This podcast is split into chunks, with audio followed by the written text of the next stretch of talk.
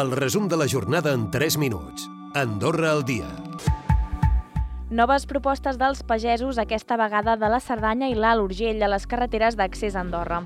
El pròxim dimarts 6 de febrer està convocada una marxa lenta per la carretera N145 i talls intermitents a la Seu d'Urgell durant tota la tarda. Demanen principalment que Departament d'Interior gestioni les zones salvatges.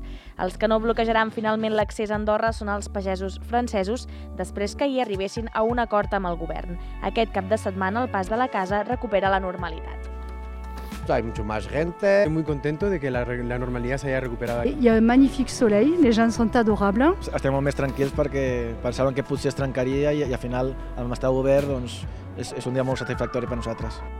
Detingudes quatre persones més en l'operació antidroga de Canillo, batejada com a Operació SAC. Tres persones són de la mateixa parròquia i una d'Escaldes en Gordany. A més, durant el registre es van trobar 4.300 euros en efectiu, quantitats petites d'estupefaents i material per a la seva venda. Ja són set els arrestats i la policia no descarta noves detencions. Per altra banda, l'Agència Nacional de Ciberseguretat alerta del robatori de més de 70 milions de contrasenyes. És el més gran de la història i estem parlant de contrasenyes tant de particulars com d'empreses d'arreu del món inclou 25 milions de comptes nous que no havien estat sostrets mai. I enmig del procés participatiu pel transport públic, Enrail presenta el projecte del tramvia que fa anys que defensa. Consisteix en un transport independent del trànsit de doble sentit i que supleixi una demanda que ha augmentat amb la gratuïtat dels autobusos. Sortiria de Sant Julià de Lòria, passaria per l'Avinguda d'Anclà i Santa Coloma i acabaria al Prat del Roure. En total faria 18 parades. Així ho explica el tècnic de l'Associació per la Promoció del Transport Públic, Carles Garcia.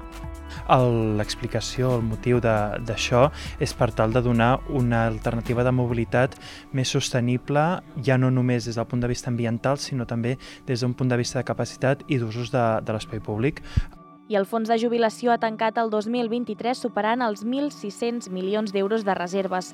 Les inversions es reparteixen en moderació i en productes altament segurs, una part en renda variable i l'altra en renda fixa corporativa, institucional o deute públic, i en menor mesura en elements per millorar la rendibilitat a llarg termini, com ara el mercat immobiliari. Escoltem el president de la Comissió Gestora del Fons de Jubilació, Jordi Cinca.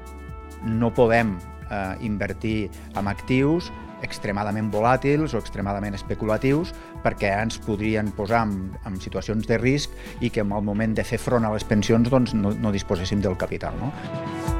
Recupera el resum de la jornada cada dia a AndorraDifusió.d i a les plataformes de podcast.